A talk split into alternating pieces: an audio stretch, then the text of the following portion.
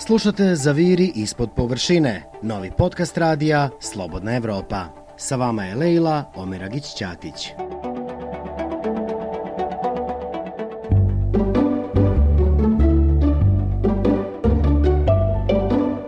Opet sjećam se jedne novogodišnje noći kad smo krenuli na proslavu kod prijatelja u drugom dijelu grada.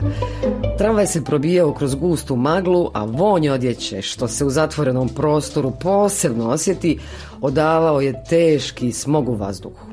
Kad smo izašli iz tramvaja, bez imalo pretjerivanja, uopšte nismo vidjeli jedni druge. Dalje smo išli na pamet, po sjećanju, s ispruženim rukama ispred sebe poput zombija, da se ne bismo zakucali u kakvu banderu. Na proslavu smo, ja mislim, stigli negdje do ponoći. Nikada u Sarajevu do kraja nije riješen problem zagađenosti vazduha, iako je 70. godina gradska vlast za vrijeme gradonačelnika Emerika Bluma uradila odličan posao dovođenja gasa u grad. Poslije toga, a naročito iza rata, neplanska gradnja, povećan broj ložišta, nakrcavanje visokih zgrada, više od 150.000 automobila i evo, gušimo se, no ogušili se nismo. Ovo je podcast Radija Slobodna Evropa ZIP zaviri ispod površine. Ja sam Leila Omeregić-Ćatić i za početak ovog izdanja vodim vas u zimski turistički obilazak Sarajeva u smogu i magli. Sarajevo je grad spoj istoka i zapada, čime se strani, ali domaći turisti oduševljavaju tokom ljetnih mjeseci. Ovaj spoj preko zime teško možemo da vidimo, možda napipamo. Preko ovog spoja zimi treba brajevim pismom napisati. Stigli ste, ovo je spoj istoka i zapada. Onda fluorescentnom, drečavo žutom od tog spoja iscrtati linije koje vode ka Begovoj džamiji, staroj pravoslavnoj crkvi i katedrali. Barem za one zimske turiste, a to su najčešće ljubitelji skijanja koji dolaze na okolne planine, od kojih mnogi jednako kao i skijanje jedva čekaju sarajevske ćevape.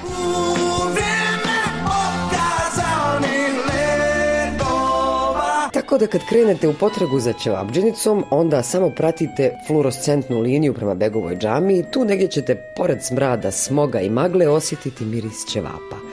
I dalje pratite samo taj miris. A ja odoh prema svojoj kući i više lebdim nego što hodam, ali ne znam ni koliko je to sigurno. Magla nisam mogao proći, Ptice pješke idu, šefe, vjeruj. Evo ih šetaju pored mene.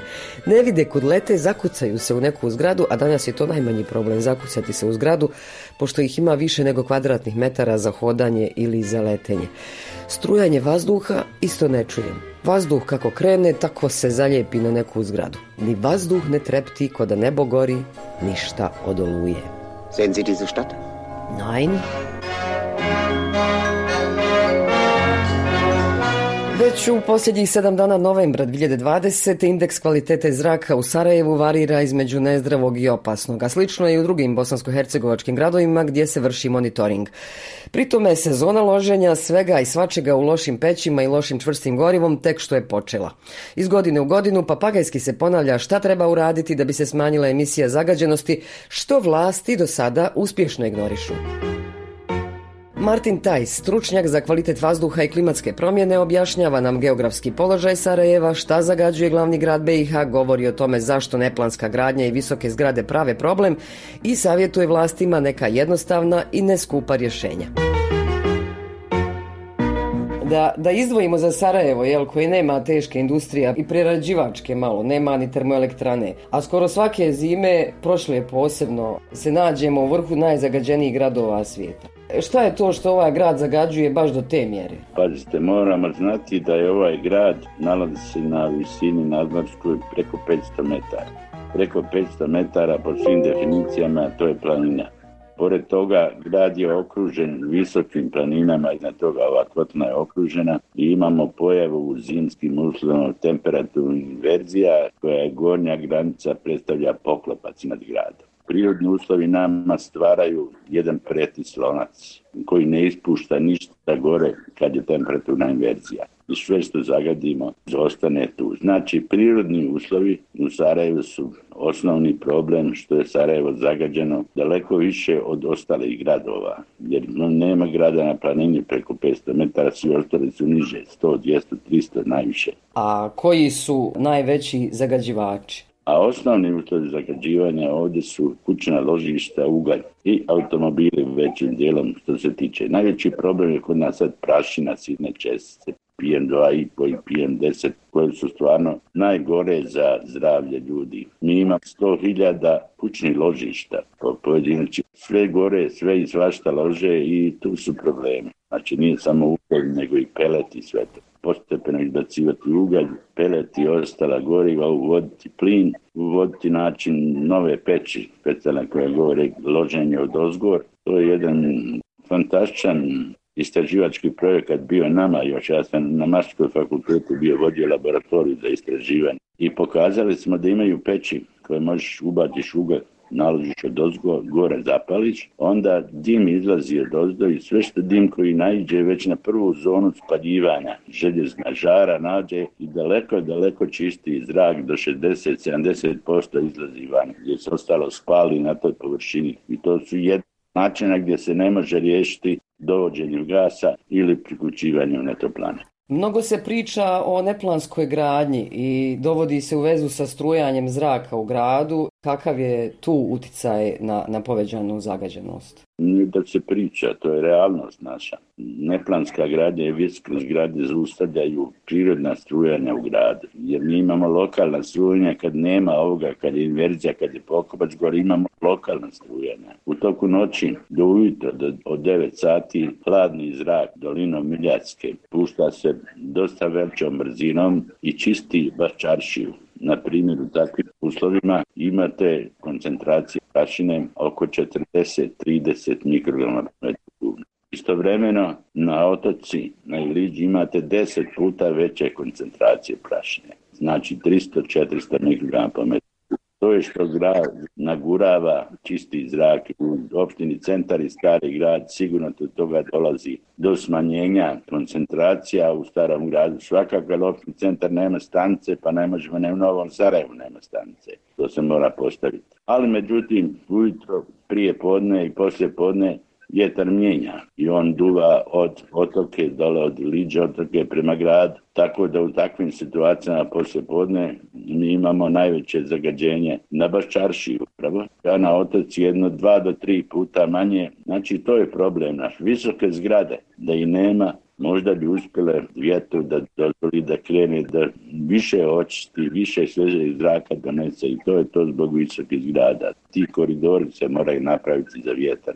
Gospodine Tajs, vi, ste, vi imate u stvari podatke o, o programu mjera koji je za smanjenje zagađenosti Sarajeva urađen i usvojen nekad davnih 70. godina, o kakvim se mjerama radi i šta se postiglo time? Pazite, to su mjere bile 70. godina kad je Sarajevo sa podioksidnim čađi bio dosta zagađen nego danas. Onda je gradonačelnik bio gospodin Emerik Blum i on je fino napravio projekat, vidio što treba i 250 do 300 miliona dolara je uložio u dovođenje gasa i riješio mnoge probleme. Drastično je smanjio zagađenje. To nam sada ostaje. Poslije toga je došlo opet do neplanske gradnje, mnogo više automobila. 90. godine imali smo 20.000, sad imamo 150.000.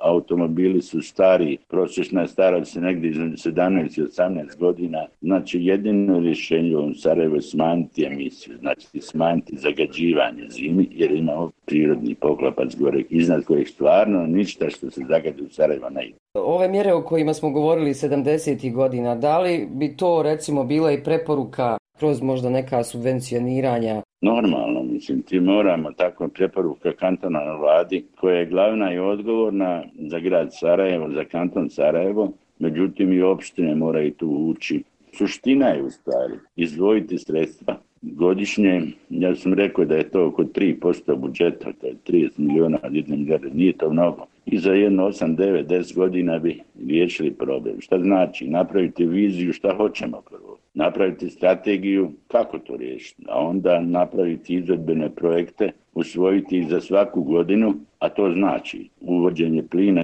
i god moguće izbacivanje uglja postepeno, ne za jednu godinu se to ne može riješiti i nije to problem jedne kantonalne vlade koja traje četiri godine, to će biti problem dvije ili tri kantonalne vlade izdvajati sredstva sa tačnim brojem koliko imamo ložišta, kako će gdje koje ložište, šta će koja kuća. I utopljavanje zgrada jedna od osnovnih, šta znači utopljavanje? Ako vi utoplite zgradu novim materijalima, to znači da ste manje energije morati trošiti za zagrijavanje. Na primjer, ako ste 1000 maraka trošili godišnje za grijanje, 40% manje vi ćete platiti. Kad utopite zgrad nećete gubiti toplotu. I to je osnovno. Znači utopljavanje, provođenje plina, izbacivanje uglja, pećina, čusta goriva, ali savremenije. To su rješenja višegodišnja sa vizijom.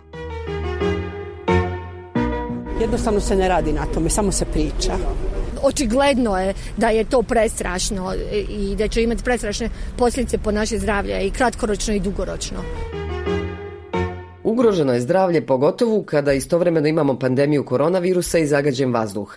Vrhunski pulmolog, profesorica doktorica Zehrad Izdarević, poručuje nam da nosimo maske, govori o nekim bolestima koje izaziva zagađen vazduh, a vlastima poručuje da donesu strategiju i akcione planove. Koje su sve opasnosti zagađenog vazduha na pluća, na disajne organe?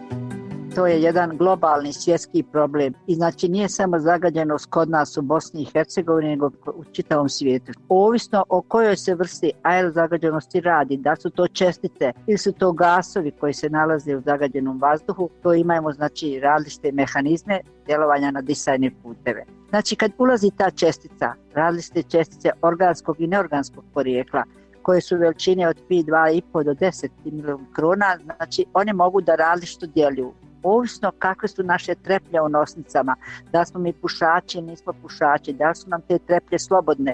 Znači, one sve čestice koje su moguće zadržati u nosnoj sluznici i na tim trepljama organizam na neki način izbaci.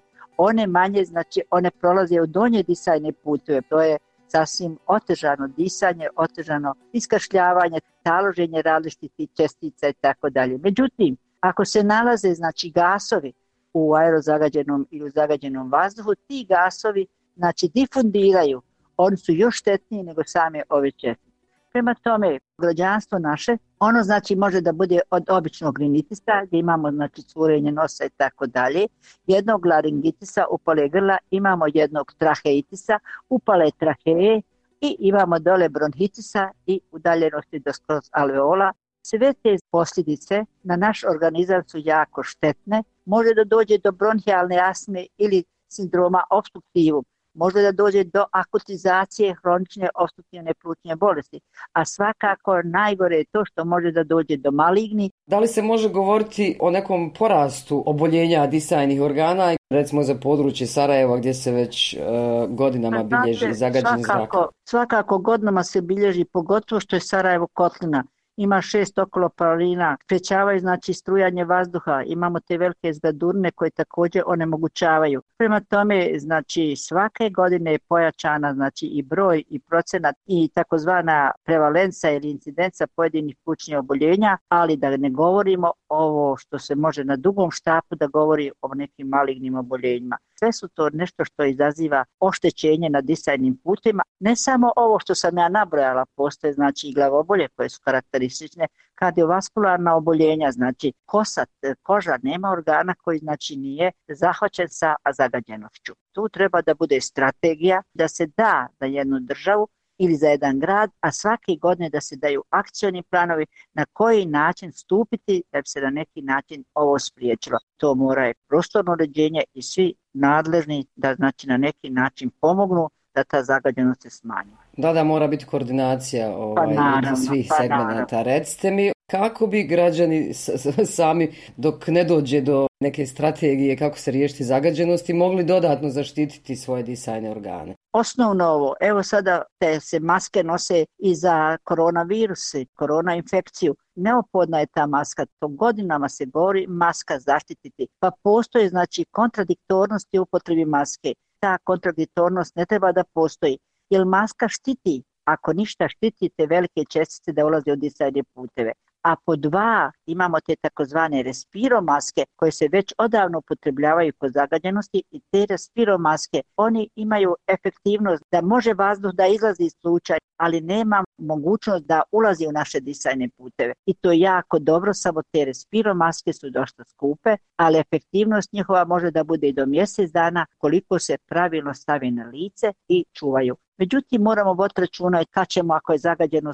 otvarati prozore, kad ćemo izlaziti na ulice. Postoji mogućnost da idemo na čist vazduh i u ovoj situaciji moramo isto voditi računa da ne idemo na visine iznad 2500 ili gore, onda razređenost vazduha velika, čist je vazduh, ali razređenost velika. Imam još jedno pitanje. Da li zagađenost vazduha, evo čemu smo posebno izloženi tokom e, zimskih mjeseci, povećava rizik od zaraze koronavirusom? Prvo, povećava rizik svako negativno stanje koje utiče na disajne puteve. Ako mi sada imamo već jednu koronu, infekciju, ili ako možemo je da je dobijemo, Znači, mi ne znamo šta se u vazduhu dešava. Činjenica je da korona infekcija, kaplična infekcija i da sam virus živi na živoj ćeli. Prema tome te kapice koje se nalaze u vazduhu, ako je vlažnost i tako dalje, one mogu da padaju na zemlju do možda udaljenosti na jednog metra, ali one se tu ne zadržavaju. Ako stavimo masku, ako stavimo običnu krpu na usta, ako stavimo bilo kakav šal, mi znači onemogućavamo bar 30% i štetnih tvari da dođe u naš sistem.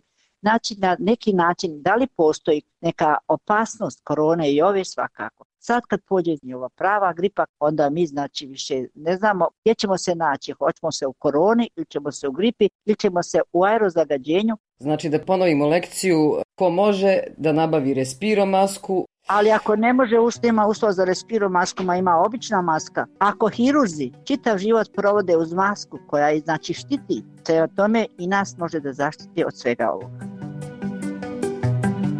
A Sarajevo je, pored zagađenosti vazduha, poznato i po sevdahu.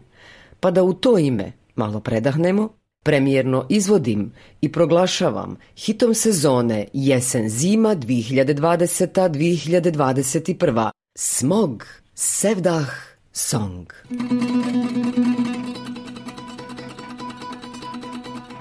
Hodam gradom pod do Trebevića, nigdje grada ni četiri mladića. Oči imam, a ne vidim svijeta, što kraj mene po ulici šeta. Smoga magle i skupa od straha mi majko srce lupa. Bosanski milonac u plućima šišti epizoda uzbune ko da čujem vrišti.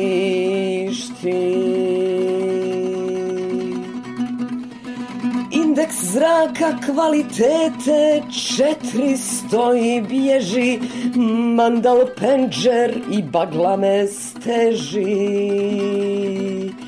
Men se čini opet prvi smo u svijetu. Vlast nam dobro naloži ovu kvalitetu.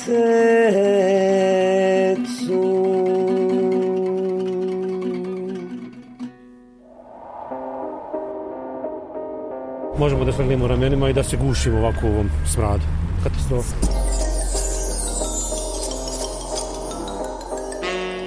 A najveći problem koji narušava zdravlje građana cijele regije su termoelektrane kojih u zemljama Zapadnog Balkana ima 16. I tih naših 16 su emitovale više sumpor dioksida nego svih 250 koliko ih ima u Europskoj uniji, što je pokazalo istraživanje Bankwatch mreže centralno-istočne Europe. Koliko industrijska postrojenja i termoelektrane koje nisu prilagodile način rada ekološkim standardima ugrožavaju zdravlje, najbolje je svojevremeno za naš radi objasnio jedan rudar u penziji sa područja Tuzle, grada u kojem se nalazi jedna od BH termoelektrana kao i brojna industrijska postrojenja. Od nove godine u nas umrlo oko 17. U Bukinju, ne govorimo šički. Samo Bukinje i Divković. A to je malo. Ja ću tam sad 30 koji su perisan i koji na posljednjima evo čekaju da umru. Ja sam zaradio penziju u rudniku, a kad sam zaradio penziju onda sam i spasao još i dalje. I ne dođoh ja do rješenja, ali k njemu idem. Svi putevi vode prema vlasti koja se bira i plaćamo je zato da rješava probleme. No i ti putevi su zagađeni i umagli. Udruženje građana Ekoakcija posebnu pažnju posvećuje monitoringu zagađenja vazduha i ukazuje na sve vrste ekoloških problema. Ane Spodić iz Ekoakcije priča nam o tome kako se vlast odnosi prema građanima kada je ovaj problem u pitanju. Sarajevo nakon rata je neuređen grad. Sve što se dešava sa zagađenim zrakom je posljedica potpune neuređenosti. Gdje griješe vlasti svih ovih godina, pa evo, nema nikakvog pomaka ka zdravijem vazduhu u Sarajevu, nema, ima li u drugim gradovima kakva je situacija? Osnovna greška je tu što njih e, problem zagađenog zraka zapravo ne interesuje. To nije problem ove, na kojem očito su procijenili da se dobivaju ili gube izbori i jednostavno zagađenom zraku niti jedna dosadašnja posljeratna vlada nije posvetila ni minimum potrebne pažnje. Situacija u Sarajevu koliko i toliko, barem možete čuti vlast da ponekad spominje zrak, imali smo prije dvije godine čak i sjednicu skupštine oko zagađenja zraka, Međutim, u ostatku BiH situacija je još i gora.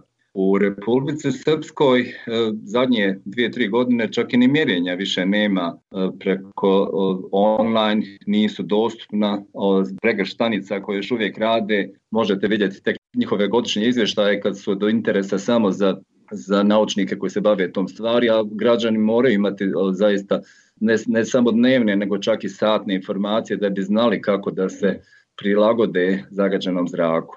U ostalim e, kantonima federacije situacija nije nimalo bolja. E, Tuzla, Lukavac su definitivno među 100 najzagađenijih gradova ove na planeti. E, Zenica također je izuzetno zagađen zrak, tamo još imamo i željezaru koja je i dalje krupni problem. A nažalost, gdje god su postavljene mjerne stanice zadnjih godina, rezultati su pokazali da zagađani zrak imamo čak i u malim mjestima, neka od njih nemaju čak ni industrije, ni saobraćaja, ništa nego je samo ova, kao što već rekao, potpuna neuređenost dovela do toga da e, građani Bosne i Hercegovine skoro svi dišu zagađeni zrak. Koliko vi kao organizacija koja se bavi ekološkim problemima možete uticati na Recimo evo neke konkretne stvari svake godine u Sarajevu se proglašavaju epizode uzbune, oglašava se građanima jel, kako, kako je epizoda proglašena. Da li vlasti kroz, građanima kroz neke ekološke kampanje treba da objasne šta da rade, šta znači epizoda uzbune? Da li biste mogli da utičete na to, barem na neke vrste kampanja? Najbolji primjer je upravo ovaj januar ove godine. Ovo, imali smo preko deset dana u kojima je zrak bio kritično zagađen, znači to je, to je stanje zagađenja gdje drugdje, kao na primjer u Pekingu 2015. godine kad su imali uzbune, gradu 22 milijuna stanovnika stane. Termoelektrane prestaju se radom, tvornice prestaju se radom, pola saobraćaja prestaje, škole se zatvaraju, a u Sarajevu se život nastavi. Proglasi se uzbuna i onda sama vlast krši svoju odredbe svoje uzbune. Pa smo imali nastavak grubih radova na prvoj transverzali, umjesto da se sve zatvori, jer i to generiše ogromne količine ove prašine, bilo koji dodatak zagađenju je izuzetno štetan, oni se još reklamirali kako su nastavili da prave prvu transverzalu. Održan je maraton, igrana je futbalska utakmica, škole su nastavili da rade. Uvedene su nekakve ograničenja u saobraćaju, na kraju smo dobili informaciju da je kaznu platio jedan jedini vozač. I onda kad sve to prijavite inspekcija, od inspekcije dobijete odgovor da tu zapravo nema krivaca, onda vidite da tu imate cijeli sistem koji ne želi da se brine o našem okolišu. Ja koliko se sjećam u, u, u tom periodu decembar, januar, jako je bilo teško pronaći masku s filterima protiv zagađenosti za kupiti. Zar ne bi bilo najmanje što se može uraditi da se obezbijede, uvezu u nekoj koordinaciji? To je još jedan primjer, ovaj, znači u odrebama ovih interventnih mjera je bilo da ovi radnici koji rade vani bi morali biti snabjeveni maskama, međutim smo maske viđali tek na malom broju radnika komunalnog preduzeća. Policija nije imala, poštari ih nisu imali, zapravo o, nije ih bilo. I onda kad je epizoda već e, prošla, onda smo imali zaista tragičnu ovaj tužnu situaciju da su se ovaj išli su i premijer i ministri na sastanak sa predstavnicima strani ambasada da od njih moljakaju pare za nabavku maski i prečistača za škole i vrtiće. Kanton koji ima budžet od preko milijarde nije na vrijeme uspio da odvoji čak ni zaista skromne novce da umanji utjecaj zagađenja na ove zaista rizične grupe zagađenja za koje se zna da, da će nastupiti svake zime. Nažalost, dok je god vlastima prioritet ko će koji plac u gradu svojiti, jer to je, to je najunosniji dio obavljanja vlasti, da možete učestvovati u raspodjeli placeva u gradu, dok je god stanje takvo, dok god se, je to puno važnije nego dobrobit zajednice, nama će se ovakve stvari ponavljati. Kada su u pitanju termoelektrane, e, koliko one utiču na zagađenost zraka? Termoelektrane su e, ogromni zagađivač, pogotovo ove naše, gdje je uopće skoro da i nemamo termoelektranu osim uh, ugljevika kojim je to nedavno ovaj, urađeno, ne postoje postrojenja za osumporavanje. Tako da su naše termoelektrane još uvijek među uh, deset najvećih zagađivača ne samo BiH nego Europe sa sumpor dioksidom. Međutim, sa termoelektranama je nešto drugo. Ovaj, uh, sve one imaju ogromne dimnjake, visoke dimnjake Dimnjak Ugljevika je najviši objekat u BiH sa 310 metara visine. Dimnjak Kaknja je drugi najviši objekat u BiH sa 300 metara visine i to nije urađeno slučajno još od početka industrije se poznalo da ako napravite visok dima, dimnjak da će se onda zagađenje raširiti na većem prostoru. I ovaj, posljedica je da naše termoelektrane ne zagađuju samo BiH, zagađuju susjedne zemlje, zagađuju čak i udaljene zemlje poput Njemačke i Poljske, međutim vrijedi i obratno. Jednako kao što dio stanovnika Europske unije nastrada zbog zagađenja kojim su izvor naše termoelektrane, vrijedi i obratno. Građani BiH ne toliko kao od ovog našeg zagađenja, ali ono dio, dio smrtnih slučajeva je uzrokovan i prekograničnim zagađenjem jer jednostavno zagađenje ne zna za granice. Znači rješenje bi bilo zakonsko, je li, ovaj, da, da termoelektrane imaju te filtere od sumporavanja, jel? Da, postoji program, postoje rokovi, deset godina je počelo da teče još prije skoro dvije godine, negdje do isteka 2028. ja mislim trebale bi ovaj, emisije svih naših termoelektrana da budu u granicama ove nekakvih evropskih normi, međutim još uvijek su brojne kalkulacije šta, kako, da li uopšte, jer ono činjenica je Bosne i Hercegovine koliko god mi non stop pričali o nekakvom pridruživanju Europskoj uniji, mi člancom nećemo postati još decenijema. I to je jasno u rukovodstvu elektroprivreda, i otud njihov otpor da bilo šta uradi oko ovoga, jer ovaj, ako nismo članica, onda nema ni obaveza.